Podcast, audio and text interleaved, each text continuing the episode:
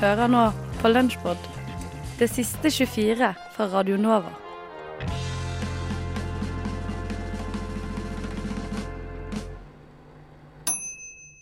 Oslo øst, et sted der over 100 gjenger regjerer. Hver fjerde ungdom selger hasj, og alle går rundt med skytevåpen. Anders Magnus, NRK-journalisten som forrige lørdag sto bak denne dramatiske avsløringen, har høstet mye kritikk for faktafeil og generalisering, men selv hevder han at sannheten er på hans side.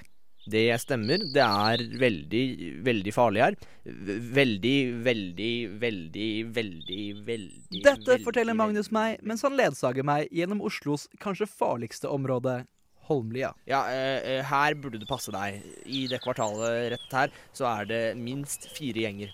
Ja, Det er artig at du nevner det, for eh, i reportasjen din så påsto du at det er over 100 gjenger i Oslo. Eh, det stemmer. Og åtte av dem er i dette kvartalet. Sa du ikke nettopp Eh, fire? 16 gjenger. Ok, men siden Dagsrevyen-reportasjen din forrige lørdag har det vist seg at det egentlig var snakk om 100 gjengmedlemmer totalt i Oslo, ikke gjenger. Jo, det Nei, altså. Eh, På en måte så Eh, eh, Hørte du det? Jeg tror det var en skuddveksling. Det beste for oss nå er nok å løpe. eh, Veldig fort, og helst uten å snakke sammen. Slik er altså virkeligheten på Oslos østkant. Skudd blir avfyrt, barn blir kriminelle, journalister blir ofre for blind vold, og Rimi blir til Coop prix. Noe det for øvrig ble i resten av landet også, men det er dårlig. Trykk tilbake i Radio Novas kontorer vest for Nationaltheatret turte vi endelig å fortsette intervjuet. Hvorfor er du så andpusten? Vi kjørte jo bilen min hit.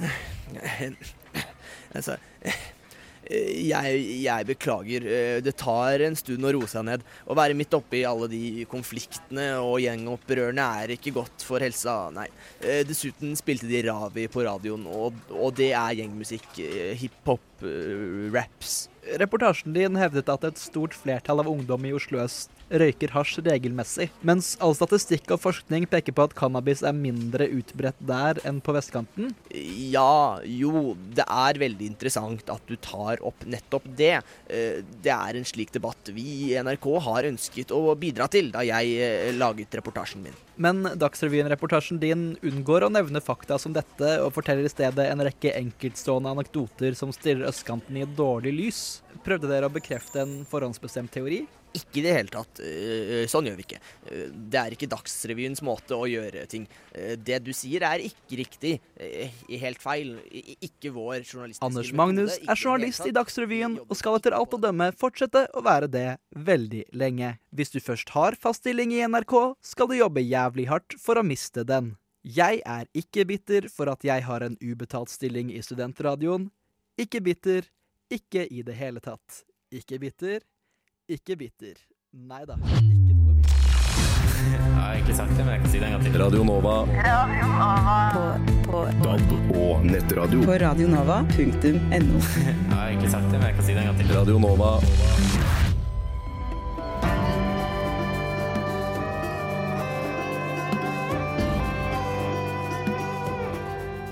HBOs kulthit 'Karnivale' ble kansellert etter bare to sesonger og 24 episoder, til tross for at pilotepisoden satt nye rekorder for HBOs originale serier. Det er uansett litt av tvil om at 'Karnivale' bidro som et originalt og et friskt pust i TV-serielandskapet.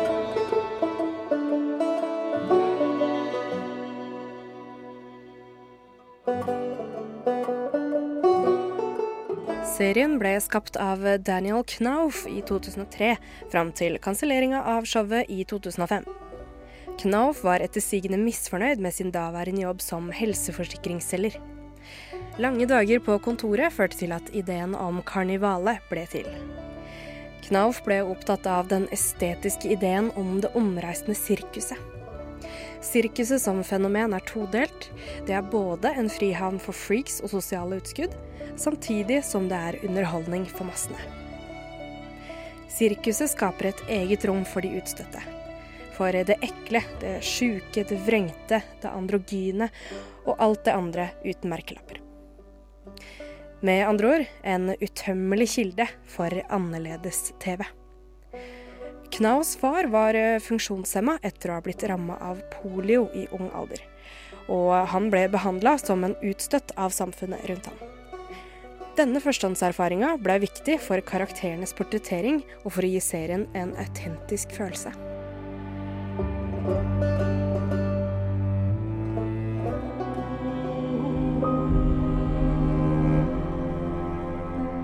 Karnivalet ble opprinnelig skrevet som et skript til en film på tidlig 90-tall, men plottet viste seg å være for speisa for Hollywood. Ideen om å gjøre om skriptet til en TV-serie kom til på midten av 90-tallet, hvor mange kanaler satsa nettopp på TV-serie. TV-serien som medium tillater en større sendeflate, detaljerte episoder og et lengre og mer komplekst narrativ. Det skulle likevel ta flere år før ideen ble tatt seriøst, da Knauf ikke hadde noen kontakter i TV-industrien. Til slutt beit HBO på, og pilotepisoder blei spilt inn. Men pga. interne krangler tok det over 14 måneder før episode 2 ble spilt inn. Det spøkte for karnivalet.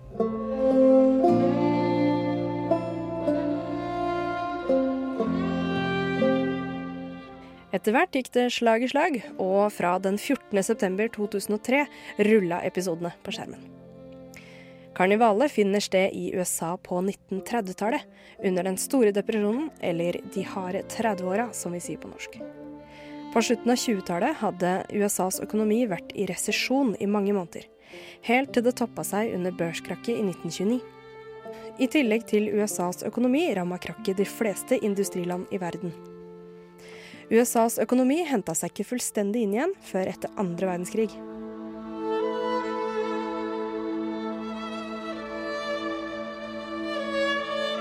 Knauf lar seg også inspirere av støvbollen, som vil si miljøkrisa som ramma Great Plains i Midtvesten og i Canada. Lange perioder av tørke, ekstrem vinderosjon og økonomisk depresjon ødela jordbruket, i tillegg til å innhylle landet i en særdeles uhyggelig atmosfære. Prega av utflytting og fremmedgjøring. Arbeidet med serien krevde møysommelig arbeid og research for å føles autentisk. Alle detaljer, alt ifra musikkbruk til kostymer til slang til avisoverskrifter, alt var nøye kontrollert av det kreative teamet. Med dette bakteppet gis karnivalet en umiddelbar tydelig setting, og fortellinga begynner.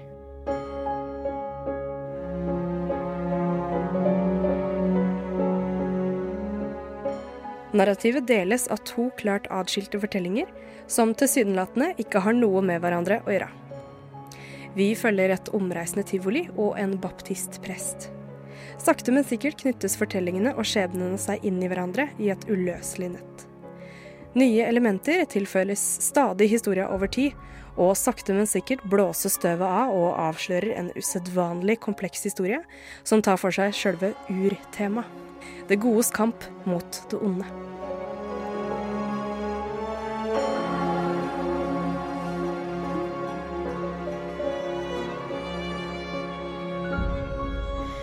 Vi har hørt en introduksjon til et knippe bakenforliggende faktorer som var med på å skape karnivalet, samt et utvalg fra Jeff Beals karnivaletema.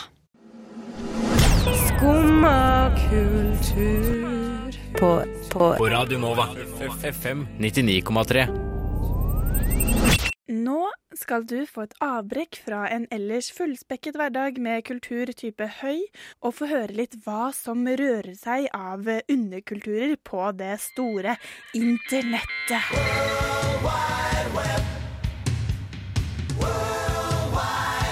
Og det World Wide Web kan tilby av nytt stoff denne uken, det er en nettside som så dagens lys forrige mandag i forbindelse med premieren på niende sesong av skandaleprogrammet Paradise Hotel.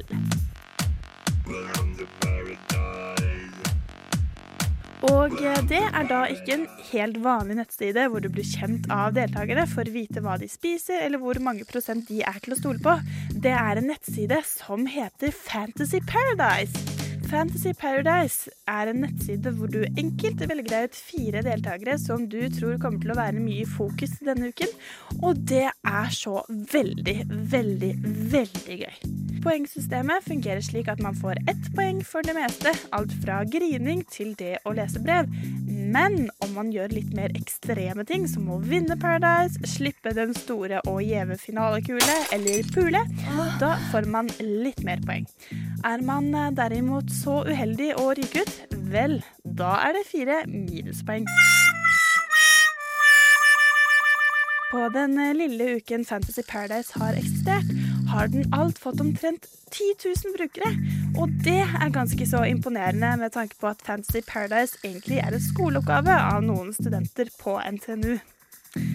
Så om du er en av de som tenker at jøss, det her vil jeg spille og vinne masse penger, så nei, det gjør du ikke, for alt sammen, det er helt gratis.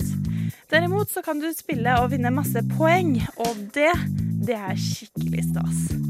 Ettersom dette er en skoleoppgave, så velger jeg å gi den en karakter. Og vet du hva? Fantasy Paradise er så gøy at den faktisk fortjener en solid B.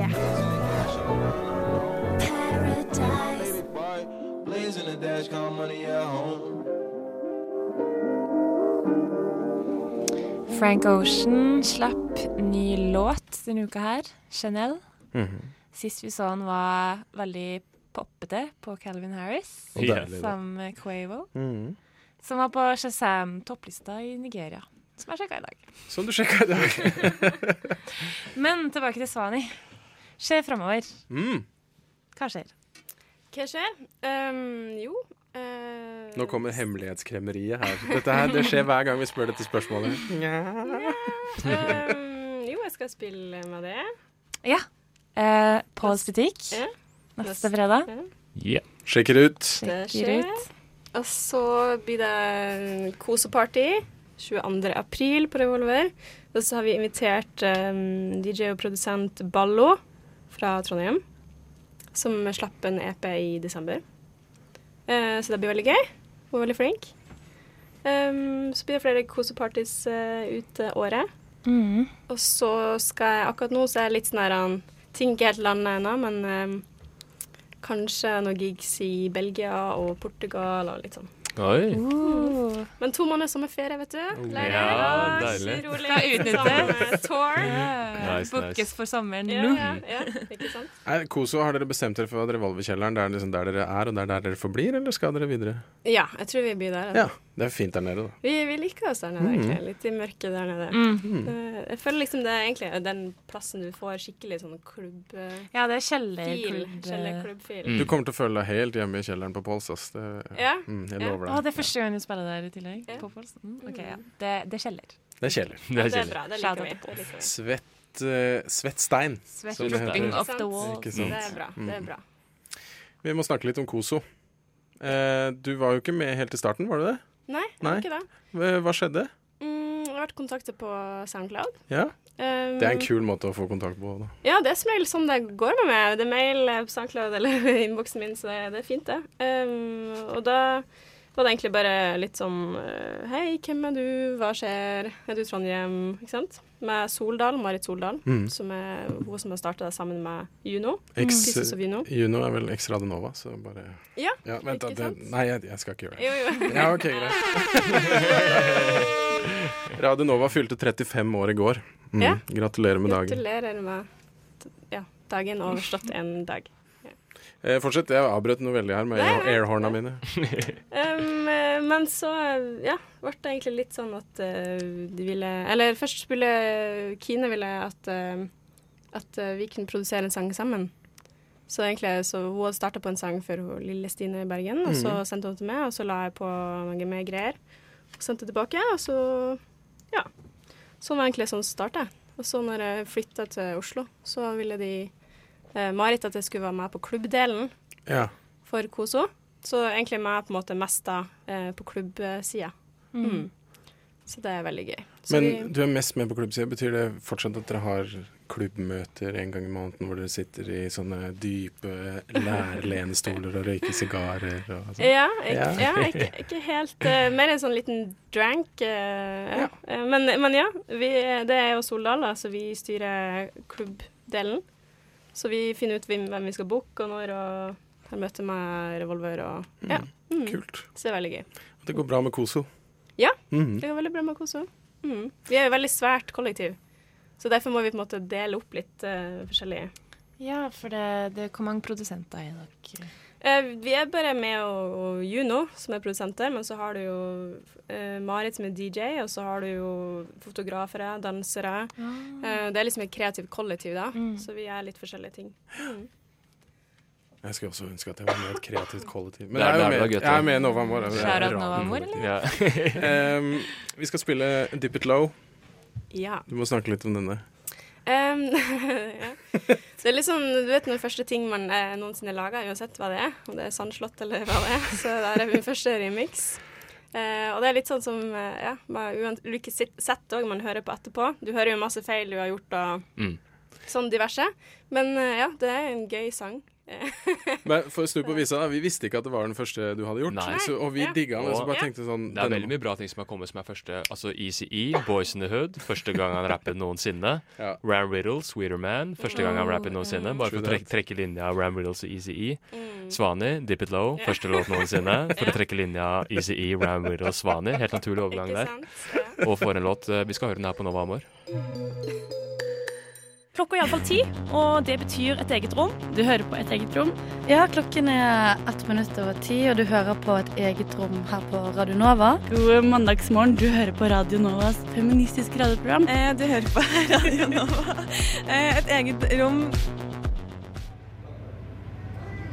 Jeg skal til hjemlandet mitt for å se og lære, og da kan jeg først forstå hvorfor de omskjærer jenter. Og så skal jeg prøve å gjøre noe med det. Da norsk-somalske Faria Lul Makarov var eh, 15 år, så fikk hun mulighet til å være med i dokumentaren I min mors navn, der hun reiser til Somalia og prøver å finne ut hvorfor omskjæring skjer. Nå er det over fire år siden dokumentaren ble spilt inn, men eh, Faria kjemper fortsatt aktivt mot den kulturelle praksisen. Jeg har hatt en mamma som har jobbet mot å eliminere omskjæring av kvinner siden 1980-tallet. Og på den tiden så er det veldig vanskelig å være en, eh, en kvinne i et så undertrykkende land, da. Og det stoppet henne ikke. Eh, og nå er hun bare litt eh, sliten, rett og slett. Og jeg har bare vært interessert i det fordi jeg har hørt om det helt siden jeg var født. om dette problemet som ennå ikke har stoppa. For mange så er omskjæring et tabubelagt og personlig tema, samtidig som det er noe man ønsker å gjøre fordi det er eh, tradisjon og kultur. Det her erfarte Faria også da hun reiste til Somalia og snakka med unge jenter der. Det her er jo veldig personlig sak fra familie til familie. Og det er faktisk til og med familier som gjemmer at døtrene er omskjært eller ikke. De sier bare at hun er det, men så tør de ikke å si noe annet, da. For de er så redd for at eh, folk ikke skal akseptere dem. Um, en annen ting jeg også tenker ofte på, er hvordan disse unge jentene ønsker å bli omskjært selv. De sier til mamma Jeg har opplevd i tilfeller der foreldrene ikke har hatt lyst til å gjøre det, men så sier dattera 'jeg vil'. Kom, bli med meg, jeg skal omskjære. Eh, bli omskjært. Og det er bare fordi at alle andre er det. Sant? Det er akkurat som alle andre blir konfirmert, eller at alle andre, du vet, blir russ. Så vil de også bare ikke føle seg utenfor.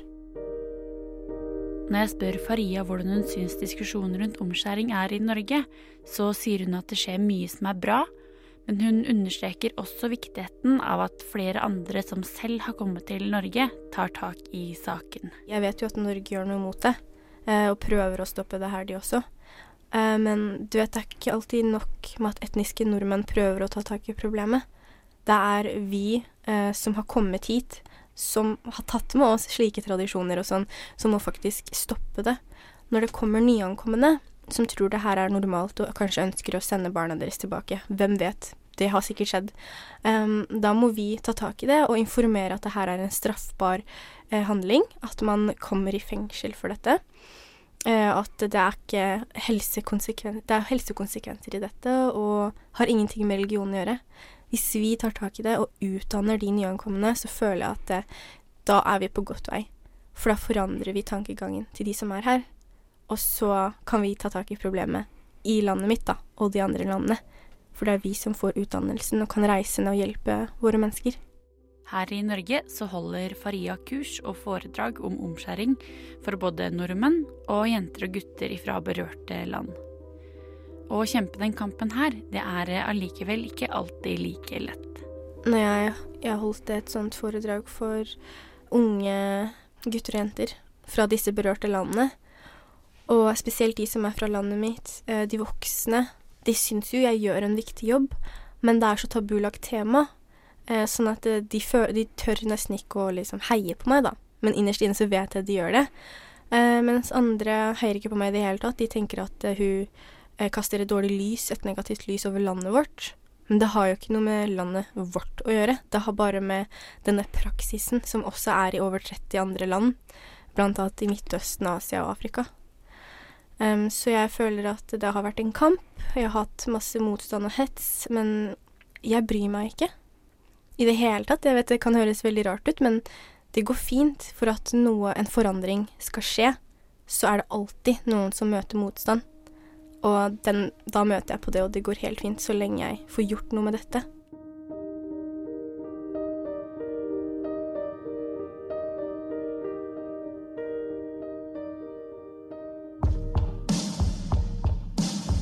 Så begynner jeg å tenke på ja, jeg er jo egentlig ganske uh, sur på den norske stat. Og jammen skal jeg gå og klage. Hvor går jeg da? Klagenemnda. Det er jo slik at i det siste så har jeg lest litt. Eh, er, det, er, det, en forandring? Altså, noen... nei, jeg leser hele tiden. Men eh, jeg har eh, Det var en sånn eh, psykolog på Lindmo for noen uker siden. Eh, Wilhelmsen eller noe sånt heter han. Jeg syns han var veldig fin. Ja, det er ja. veldig mange som syns det, fordi ja. at han ble hauset opp på min, min jobb i lunsjpausen. Okay. Og så eh, endte jeg opp med å låne et par bøker av ham på biblioteket. Eh, blant annet en som heter 'Livet er et usikkert prosjekt', hvor han skriver at eh, noen Veldig mange mennesker sliter med livets urettferdighet. Ja. Eh, og at vi må alle skjerpe oss, alle de som sliter med det, fordi livet er urettferdig, og det er veldig lite vi kan gjøre med det. Ikke sant? Og eh, med dette som bakteppe så skal vi få høre et lite klipp fra de som eh, ikke har skjønt hva Wilhelmsen snakker om. På vegne av de fleste elevene så er eh, vi jo sure. Hun mener det er urettferdig at forskjellige skoler har forskjellige regler.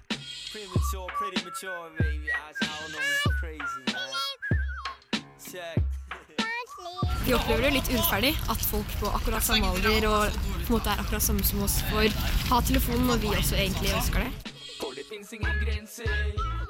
Snart må vi i fengsel. For vi er barnslige mennesker. Så lenge vi lever. Det er altså en uh, ungdomsskole i Vestfold som har bestemt seg for at uh, elevene får ikke ha mobiltelefon overhodet på skolen. Okay.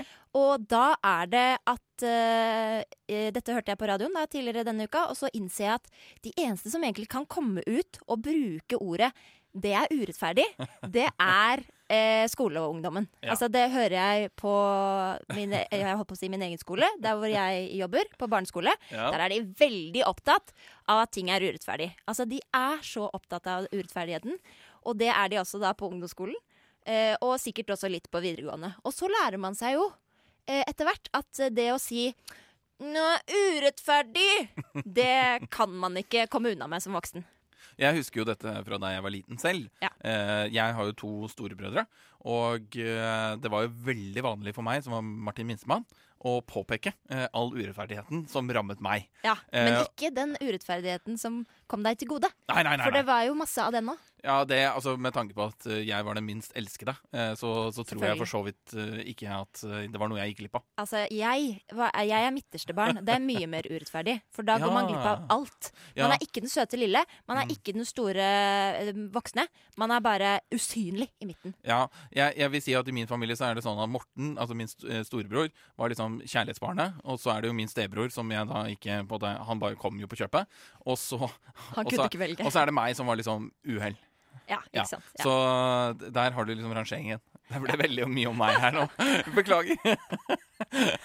men, men, det er jo litt morsomt, fordi at uh, jeg er helt enig med resonnementet ditt. At uh, dette her er jo noe som folk stort sett lærer seg, at uh, ting er ting er, er urettferdig. Ja, ikke sant? Så man går ikke rundt og bruker det liksom en sånn, sånn resonnement lenger. Men jeg hadde en episode på jobb hvor det var noen som tydeligvis følte at ting var veldig urettferdig. Og så skrev de et såkalt varsel. Altså man sier ifra om at ting ikke er bra. Brukte de ordet urettferdig? Nei, men da brukte de Det er noen som er innafor, og det er noen som er utafor. Ah. Ja, så de brukte litt mer sånn eh, Litt mer voksne ord. Ja, store ord. Ja. eh, for å beskrive litt det samme. At den eh, skolen får lov til å ha eh, mobiler. Eh, vi får ikke lov til å ha mobiler. Ja. Jeg syns det er liksom veldig rart, fordi at jeg kunne skjønne at man syntes det var urettferdig hvis det var én klasse på skolen som ble på en måte straffet for at de kunne ikke ha mobiler. Men her er det liksom hele skolen som jeg opplever er en sånn eh, enhet i seg selv. At man skal veldig langt utenfor den skolen for å finne ut av at det er andre ungdomsskoler som får lov til å ha mobilen. Og det kan jo godt hende at de ungdomsskolene har hatt elever som har taklet å ha mobiler Ja. på skolen. Ja. At de har klart å følge reglene. Ja. Og det er sånn eh, vel, utrolig barnslig måte å forholde seg til verden på, og ikke minst å lage nyhetssaker om. At denne urettferdigheten Og nå er vi selvfølgelig inne på det vi liker best å snakke om. Eh, eh, første verdensproblemer. At jeg får ikke lov til å bruke og misbruke min mobiltelefon på ungdomsskolen eh, før jeg kommer hjem, er det verste som kunne ha skjedd.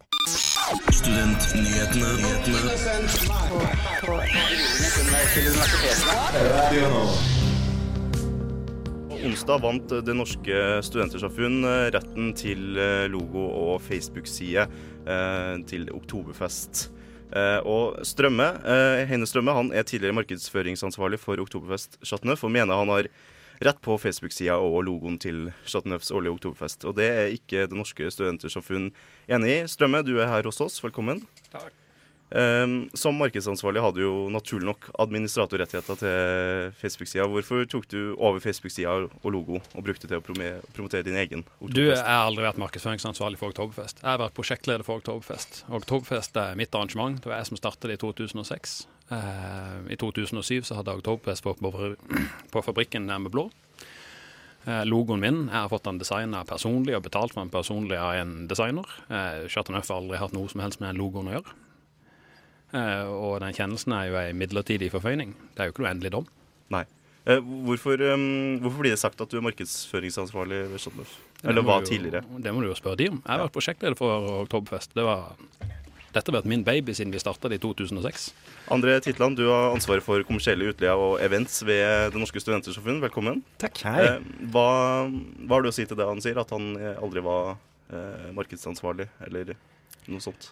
Altså hvordan uh, vi velger å tolke rollen til Strømme, det er jo på en måte litt irrelevant for saken. Det som har skjedd, er uh, og, det, det, og det er to ting her. Nummer én, vi har aldri krevd logoen rettslig. Uh, det har vi aldri spurt om. Det vi har bedt om, det er Facebook-pagen. Og det som er med den Facebook-pagen, er at uh, Heine uh, har jobbet for Oktoberfest, og i den arbeidsinstruksen han har hatt, så har han bl.a. tatt ansvar for markedsføring. Og en del av jobben med markedsføring det er ofte å opprette en Facebook-page. Den Facebook-pagen har 15 000 followers, og det er 15 000 followers som er interessert i Oktoberfest som konsept. Men hvis den Facebook-sida var, var deres, hvordan kunne dere miste den? Altså, når folk jobber for oss, så har vi jo tillit til at de handler i god tro.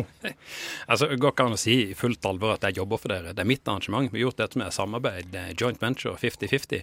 Der jeg har bidratt med konsept og profil og, eh, og en kontinuitet i hvordan dette skal gjøres. Og Chateauneuf har bidratt med et sted å være og infrastruktur på huset. Dette har vært et fellesinnsats for begge parter. Vi har prøvd å gjøre det så fett som mulig i ni av ti år. Eh, og liksom komme her og påstå at jeg har jobba for Chateauneuf og vært en sånn heldig fyr som har fått lov å være med og jobbe, det er for noe forbanna rør. Du sier du har, ikke hatt noen ting med Chateauneuf å gjøre?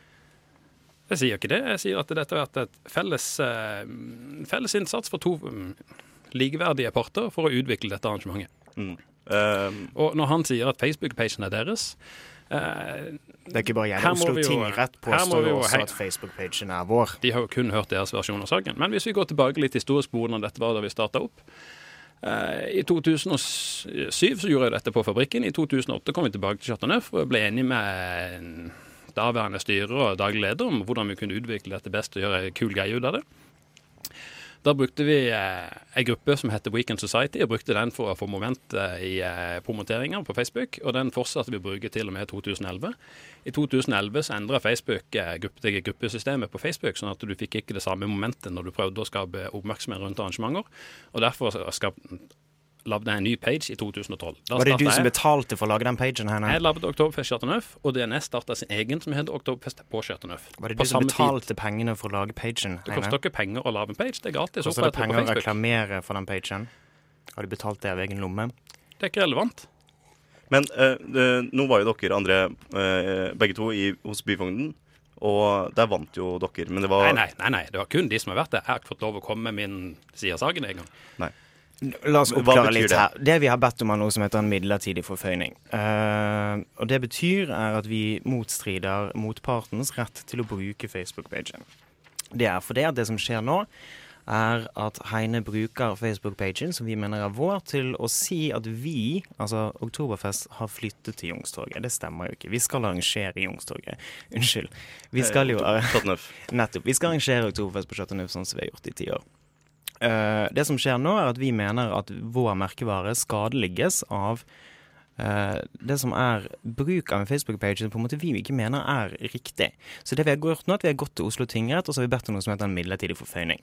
Det en midlertidig forføyning gjør, er at den stopper begge parter sin rett til å bruke Facebook-pagen til retten kan avgjøre hvem pagen er. Det var det vi ba om. Retten mente, når vi kom til de, at vår argumentasjon var såpass sterk at vi direkte fikk pagen. Nå, Heine Strømme står helt fritt til å komme til et motsaksmøl, og så kan vi da ende opp med en faktisk avklaring av dette i en rettssak. Men for øyeblikket så mener Oslo tingrett at vår argumentasjonsrekke er såpass sterk at det er vi som eier Facebook-pagen. Heine Strømme, hvorfor ville du flytte til Youngstorget i utgangspunktet? Nei, man kan vel si det sånn at samarbeidsklimaet mellom eh, meg og Kjartan Øff har jo ikke vært eh, tyder jo ikke på at det er noe vits i at jeg er her lenger. Så hvorfor Jeg tenker at de gutta som er her nå, den nye generasjonen, de kan fortsette å utvikle litt videre på egen hånd, og så kan jeg gjøre det jeg har tro på på Youngstorget. Ja, det, det var en konflikt før, uh, før denne konflikten eh, begynte. Det vil jeg ikke kommentere. Se her nå, Vi setter veldig pris på den innsatsen Heine har gjort for Chateau Neuf de siste ti årene. Chateau Neuf har hatt Oktoberfest, og det er et kjempeargument, og har vært et kjempearrangement for huset. Og det er selvfølgelig mye på grunn av Heine. Og vi stiller ikke spørsmål til det. Og Heine står helt selvfølgelig fritt til å arrangere Oktoberfest hvor han vil. Og gjøre akkurat hva han vil. Men det som er greia nå, er at nå er det et arrangement på et studenthus hvor vi er skadeliggende av at det er motstridende kommunikasjon ute i hovedkanalen vår til våre kunder. Da kan vi bruke deres egen Facebook-page til altså å fortelle publikum hvor det skal være hen, og ikke påstå at det er eiendomsretten min. Strømme, hvordan, hvordan skal du bevise for din side? Eller eh, snakke for din side? Nei, det blir jo da en dokumentasjon på at jeg er eierskap til arrangementet. At jeg, jeg starta denne Facebook-pagen samtidig som de starta sin egen.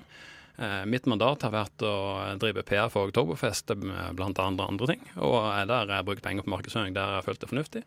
Hvis de da mener at, eh, nå, at det skulle jo vært gjort annerledes for mange år siden, så er det for seint å komme med det nå. Har, har, du har den dokumentasjonen? Ja, selvfølgelig har jeg det. Mm. Eh, men eh, ja, hva, hva slags dokumentasjon er det? Papirer, dokumenter, avtaler. Hvem som har gjort hva. Eh, eh, Titland, hvordan rammer det her Chateauneuf og Det Norske Studentersamfunn? Nå er det Det burde ikke ramme de i det hele tatt. De kan jo bare fokusere på sitt eget arrangement istedenfor å Du henge seg kan opp i også hvordan jeg gjør det. fokusere på ditt eget arrangement, Heine. Det er ikke det vi bestrider. Vi bestrider eierskapet til kommunikasjonskanalen ut mot våre kunder. Det har ikke engang klart å komme ut med når, når og hvor det skjer engang. Hva med Det at er jeg begynner litt- å profilere hva de skal gjøre sjøl, istedenfor å henge det opp i hva jeg holder på med? Det er litt vanskelig, Heine, å Det har- kommunisere det har ut til kundene våre når du har tatt en Facebook-page som vi mener er vår. Det har jo deres egen page. Bruk den. Det har jo DNS sin page. Hvor mange følgere har det der? 10 000-12 000? Heine, det handler ikke om hvordan vi gjør vår egen markedsføring. Vi handler om at vi mener at vi ikke har mulighet til å gjøre den mest effektive markedsføringen vi burde kunne gjøre, fordi du har tatt noe vi mener er vårt. Det er umulig å sende ut mail til medlemmene deres. Det er klart ikke engang å lage en plakat eller en flyer. Men eh, hva, hva skjer videre nå? Vel, det som skjer er at Heine har da fått beskjed av Oslo tingrett om å overlevere Facebook-pagen til oss så snart som mulig. Uh, det har jo ikke skjedd. Det kommer selvfølgelig ikke til å skje. Dette her kommer til å bli tatt opp i en muntlig, for, muntlig, hva heter det? Muntlig, muntlig forhandling i Oslo tingrett så fort som mulig. Uh, hvor da dette vil bli lagt dødt, og jeg vil få eierskap til denne sida. Vel, eh, takk for at dere begge kom. André Titland ved Det Norske Studentersamfunn og Hennes Strømme tidligere Eller eh, Prosjektleder for Oktoberfest. Du har hørt en podkast fra Radio Nova. Likte du det du hørte? Du finner flere podkaster i iTunes og på våre hjemmesider radionova.no.